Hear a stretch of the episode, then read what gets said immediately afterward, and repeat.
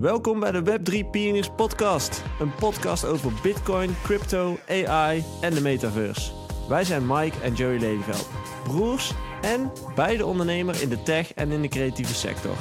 Al 15 jaar helpen wij ondernemers en merken technologie begrijpelijk maken. Deze podcast is voor jou, zodat jij meer grip krijgt op de toekomst. Deze podcast is gesponsord door bureaugroep Handpicked en gesteund door BCNL, het grootste Web3-ecosysteem in Nederland. In deze podcast geven wij geen beleggingadvies. Alle meningen in deze podcast zijn op persoonlijke titel. Welkom bij de Weekly Allemaal. We zijn Yes, weer. welkom. eh, wat zei je? Ik zeg welkom. Welkom. Vandaag een avondaflevering. Weer is wel anders dan anders. Hè? De schema's eh, zijn eh, nou eenmaal niet altijd hetzelfde. Dus eh, ja, dan maar een avondaflevering. Dit is donderdagavond, 18 januari nemen we dit op. Dus de dag voordat je dit hoort. Als je een trouwe luisteraar bent. En zo niet dan eh, ergens het weekend of eh, de week erna. Ehm, ja, er is weer genoeg gebeurd, Mike. We, we hebben vorige week natuurlijk die ITS-lancering gehad. Zeker Ehm, weten. hebben wij Niks even gevierd. Wat zei je? Ik heb er niks van meegekregen. Ja, sowieso. Maar eh, dan mo- moeten we denk ik toch even kort bespreken straks bij eh, het marktsentiment. Als in, eh, ja, dat is denk ik wel interessant om even naar te kijken. Dan was er een eh ander leuk feitje wat mij is gepasseerd deze week. En ja, volgens mij kom jij zelfs met het nieuws. Is dat Michael Ross van Sleep.io, die hebben wij te gast gehad in podcast nummer 85. En Vincent Somsen, eh, die hebben we ook te gast gehad in eh, de podcast op nummer 63 aflevering. Ja. Ehm, wij kregen het, eh, het mooie nieuws te horen dat deze twee mensen samen gingen werken. En ja, dat doet ons natuurlijk deugd om te zien dat, dat onze podcast mensen verbindt. En in dit geval dus podcastgasten. Dus dat was Ja. ja, leuk om te zien dat dat gebeurt. Ehm, Vincent is volgens mij op bezoek gegaan daar of zo. Ik weet niet precies hoe het is ja, gegaan. zij, zitten, zij zijn beide actief in de Web3-space uiteraard. En een beetje rondom de hospitality-wereld met, met hoteliers. En eh, ja, Michael Ross is ook bezig met eh, ja, eigenlijk een soort van de concurrent van Booking.com te bouwen. Dus hoe kun je eh, ja, via Sleep.io heet dan hun eh, platform. Hoe kan je eigenlijk hotelovernachtingen eh, boeken? En dan is je, je boeking is eigenlijk een soort NFT. Dus dat ding wordt ook verhandelbaar en er zit op een makkelijkere manier eh, loyalty in en communities en al die dingen. Dus daar, daar zijn ze echt hard mee eh, aan het bouwen. Mhm. Ja, en Vincent eh, was ook actief in de hospitality hoek en veel met Web3 bezig. En eh, ja, die zijn eh, team up, dus eh, Ja, leuk. Mooi. Mooi om te zien dat dat gebeurt, toch? Ja, ik vind dat wel leuk. Jij had eh, deze week een, mm, een mooi feitje over de polymarket. Ja, daar Nou ja, ik kwam... eh, heel veel kwam- vraagtekens. Ik zat in, eh, ergens in een andere crypto-Twitter-grot en ik was vrij diep afgedaald. Meestal ben je dan wel echt diep afgedaald als je dit soort dingen tegenkomt. Ja, ik was natuurlijk op zoek voor onze luisteraars naar eh Alpha, naar eh, de nieuwste nieuwtjes. En ehm, op een gegeven moment, misschien zat ik in een bubbel, misschien niet. Maar ik denk toch wel. relevant. ik, ik zag opeens allerlei berichten langskomen over Polymarket. En Polymarket is eigenlijk een, eh, soort gedecentraliseerd eh, voorspellingsmarktplaats, noemen ze het in karig Nederland. Maar volgens mij is het een soort platform waar je ehm, een soort ja, weddenschappen kan, kan doen. Dus een soort goksite. Maar waarbij je eigenlijk, wat je volgens mij veel in Engeland en zo ziet, dat je op alles kan gokken. Dus eh, een voetballer die op de 43ste minuut zijn schoen verstrikt. Of wanneer haalt Bitcoin weer een all-time high. Of wordt Trump weer president in 2025. Of dat soort, dat soort uitspraken. En daar kan je dan dus eh, crypto op steken.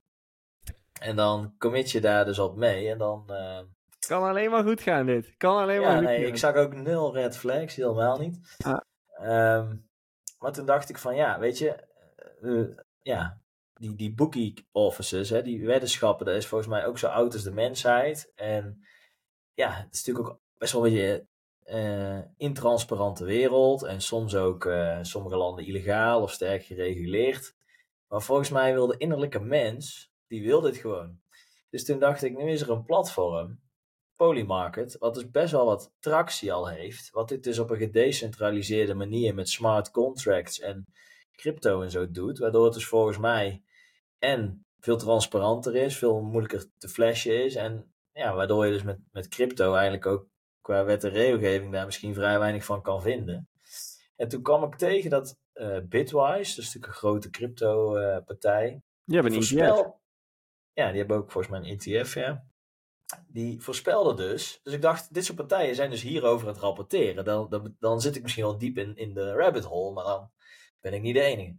Dat zo'n Bitwise die voorspelt dus dat in 2024, dus eind dit jaar, Polymarket dus over de 100 miljoen aan gesteekte uh, crypto gaat, waar dus, wat dus op weddenschappen zit. En zo was er nog een, nog een partij, um, die was mij wat minder bekend, One Confirmation, maar zag er ook, in ieder geval ook wel redelijk credible uit. Die verwachten zelfs dat het, het platform van Polymarket over de 1 miljard in handelsvolume gaat uh, dit jaar. En meer dan 1 miljoen gebruikers. Dus toen dacht ik, is dit dan een nieuw soort uh, killer app? Dus dat, dat er straks een lopend vuurtje gaat. Net als vroeger van, hey, zit jij al op Facebook of uh, Facebook Me? Dat iedereen denkt van, hey, doe jij al mee aan Polymarket? Ja, ergens zou dat natuurlijk goed kunnen. Als in uh, gokken is inderdaad iets wat oudsher gewoon in de mens zit. Hè? Vooral sportbedding is gewoon heel groot. Ja. Um, er wordt toch al vaker gezegd dat, dat grote adoptie komt door porno of door gokken. En daarom, dus ik, het is geen endorsement. Ik weet niet of het waar is, maar als het waar wordt, you heard it first at Web3 Pioneers. Ja, wij zijn niet zo'n gokkers. Maar ik, ik ken maar mensen die daar wel zijn. Misschien moeten die eens even vragen hoe die hierin staan. Als in. Ja. Uh, ja, ergens zie, ik hier, ik, ergens zie ik hier wel een kern van waarheid in dat dat zomaar eens iets kan worden. Ja, dat denk ik ook. Dus, Best logisch uh, eigenlijk. We gaan het in de gaten houden. Polymarkets. Oké, voor degenen die geïnteresseerd zijn, no financial advice, zoek het gewoon lekker op en uh, happy hunting. Maar ik weet het niet. Polymarket.com. Oké, okay. Klinkt en een van de, de top trending uh, dingen waar je nu op kan voten is uh, Presidential Election win, Winner 2024. Trump okay. of Joe Biden. En ik zal je die zeggen. Wie Donald Trump, 49% yes, 51% no. Maar Biden 37 yes, 63 no. Dus ja, er zit toch uh, eh, 10 miljoen in de kas. Dat is wel geld. dus kijk maar. Oké, leuk. Nou, mooi, uh, mooi extraatje. Uh, ik had, uh, ja, is eigenlijk al iets ouder, die hebben een beetje vooruitgeschoven omdat al die ETF's tussendoor kwamen. Maar um, Disney is weer in de picture. we, hebben, we hebben het al vaker over Disney gehad. Die is best wel aan het experimenteren met alle NFT-dingen. Ehm, dit heeft grappig genoeg, is niet vanuit Disney gekomen, maar het heeft wel met Disney te maken. Wat is er namelijk gebeurd? Um, Steamboat Willie. Zegt jou daar iets? Nul. Steamboat Willie. Ik denk dat je de afbeelding namelijk wel kent. Dat is de, de eerste, moet ik het even goed zeggen? De eerste publicly distributed appearance. Dus de eerste keer dat Mickey Mouse uh, publiekelijk zichtbaar was op tv. En dat is okay. die, die scène dat Mickey Mouse, uh, zwart-wit beeld, dat hij in zo'n... Uh, Stoomboot. Stoomtrein. Oh. Ja, ja nee, boot. boot trouwens, ja. Steamboat. Ja, willen, ja. ja, ja. Uh, maar dat is, dat is een zwart-wit beeld. En dat, ja, dat was dus blijkbaar de eerste keer dat, uh, dat hij uh, daar zichtbaar was. Dat is natuurlijk een iconisch beeld, kun je je voorstellen. Mm. Wat was het nou? Die um, copyrights zijn vervallen na 95 jaar. Oké. Okay. Dat gebeurt dat in de muziek. voor Disney. Ja, dat is balen, maar dat is niks nieuws. Als in, uh, in de muziek gebeurt dit ook. Hè? Als artiesten een x aantal jaren uh, de rechten over de plaat hebben gehad, op een gegeven moment komen die vrij en kun je ze kopen. Um, van Michael Jackson bijvoorbeeld, of van de Beatles. Dat gebeurt gewoon, dus op zich niks geks. Maar bij deze kwam het dus ook vrij. Nou, wat, wat gebeurde er? Er werden van alle kanten ineens NFT-projecten aangemaakt die Steamboat Willie heten. Um, waarvan er eentje Steamboat Willie Public Domain 2024 heette. En die heeft de nummer 1 op uh, OpenSea volgens mij weten te halen met een tradingvolume van 1,2 miljoen. dus Niet eens van Disney. Gewoon een plaatje, weet je wel. 1,2 miljoen wat meteen gewoon verhandeld wordt. Ja, ik Is vind die het gewoon... verkocht voor 1,2 miljoen? Nee, dit zijn gewoon meerdere plaatjes, zeg maar, van die Steamboat Willie, die dan als een soort collectie online zijn gegooid. En in totaal is daar 1,2 miljoen eh, tot, op, Ja, tot die dag, hè, want ik, ik, ik kijk even naar een artikel van, eh, wanneer is dit? Ehm kijk of ik hier een datum kan zien. Dit is in ieder geval even geleden. Laat zeggen twee weken geleden. Ehm, dus daar, daar gaat gewoon echt grof geld in om. Er waren meerdere ehm, projecten projecten, ja, ehm, drops die dus de top, top 10 in kwamen. Sterker nog, de hele top, top 3 bestond op een gegeven moment uit Steamboat Willie projecten. Ehm, en uiteindelijk is dus volgens mij die public domain heeft uiteindelijk het meest omgezet. Hm. Ehm, daarbij wel een side note. Disney heeft wel even vriendelijk vermeld dat ja, je kunt hiermee doen en laten wat je wil. Ze zijn inderdaad de rechten kwijt, maar het is niet zo dat je zomaar ineens overal Mickey Mouse voor mag gaan gebruiken. Mickey blijft gewoon nog steeds eh, domein van Disney. Maar het is Steamboat Willie die je wel mag gebruiken. Oké, goed verhaal Ja, ja, ja, ja, ja, ja.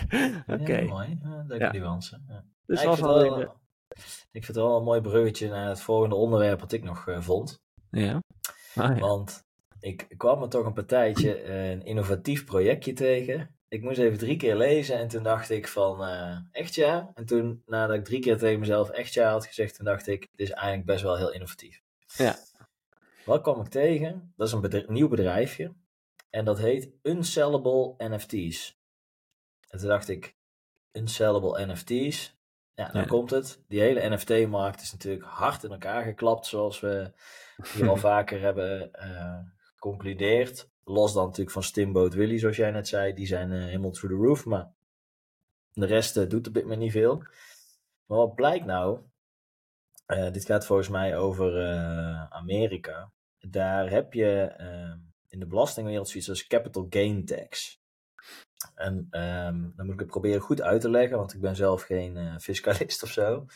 Alleen, dat is, volgens mij is dat iets wat wij in Nederland niet kennen. Maar capital gain tax is zoiets de belasting die je moet betalen over de winst die je maakt van bezittingen die je hebt. En er zijn natuurlijk best wel veel mensen die, nou weet ik het, twee jaar geleden eh, een NFT hebben gekocht. En die, wa die was bijvoorbeeld eh, 500 euro eh, waard. En toen een jaar later, op de piek van de markt, was die NFT eh, 2000 euro waard. Mhm. Dus dan heb je voor de Belastingdienst 1500 euro, dollar, sorry, 1500 dollar winst gemaakt. Hè? Dus in waarde toenemen van jouw asset, van 500 waarvoor je hem hebt gekocht in jaar 1 tot 2000. eh, want het, de Belastingdienst hanteert zijn pijldatum. Dus dan heb je op papier 1500 dollar eh, verdiend. Maar die dingen zijn natuurlijk nu helemaal niks meer waard. Alleen al die mensen die moeten nu in een aangifte gaan zetten. Hé, hey, ik heb eh, NFT's. En eh, die zijn eh 1500 euro, eh, dollar waard in dit geval. En daar moet je belasting over gaan betalen. En dat is natuurlijk niet leuk. Geld wat er niet is eigenlijk, hè? Nee. Dus eh, die mensen hebben allemaal best wel een probleem. Heeft nou iemand bedacht? Een website, Unsellable NFT's. Daar kan je dus eh, eh, alle NFT's die een soort van waardeloos zijn geworden, die kan je aan hun verkopen voor 1 cent. Ehm, want dan zijn ze bij jou uit te boeken. En omdat je dan dus een verkoopdatum hebt, dan kan je dus laten zien aan de Belastingdienst van kijk, jij zegt ze zijn 2000 waard, maar ik heb ze net moeten verkopen voor een cent. Oftewel, ze zijn geen 2000 waard, ze zijn een cent waard. Dus dan kan je dus heel dat belastingverschil, de, die loss, dat verlies, is dus aftrekbaar. Dus dan wordt opeens een aftrekbare belastingpost in plaats van dat je moet betalen. Nou, zij rekenen daar eh, volgens mij een kleine eh fee voor. En het tweede idee wat ze ermee hebben is van ja, weet je, wij gaan gewoon al die NFT's eh, lekker houden. En misschien, mocht het over tien jaar wel iets worden, dan hebben we misschien hele grote collecties waar we op zitten, die we nu allemaal voor een cent hebben gekocht. Eh, en die mensen, ja, die hebben daar dus direct gewoon eh, een voordeel bij. Dus nu zat ik even te kijken. Waar heb ik hem? Hier. En dan kan je dus berekenen van ja, stel ik heb drie NFT's gekocht. En ik heb daar destijds totaal 1500 euro voor betaald. En ik zou ze nu terugleveren aan hun. Dan eh, kan ik gewoon 495 dollar terugkrijgen van de Belastingdienst. Hm. Dus ja. Is dit legaal? Ja, zeker weten. Ja. Nee, ik, ik denk dat het een enorm grijs gebied is namelijk. Het zal kloppen, belastingtechnisch. Ik weet niet of ze er blij mee gaan zijn. Nee, volgens mij is dit uh, gewoon helemaal legaal. Alleen het probleem is vaak dat als iets een soort van niks meer waard is geworden, dan hoe bewijs je dat? Want er is ook geen markt meer voor. Niemand gaat iets kopen ja. wat niks waard is. Ja, dus dat die transactie en, hebt... En, en, zij speculeren nu een soort van erop van, ja, wij kopen het allemaal wel op voor een cent. Dan heb, heb jij, uh, je krijgt niks van ons, maar je hebt wel het belastingvoordeel eigenlijk.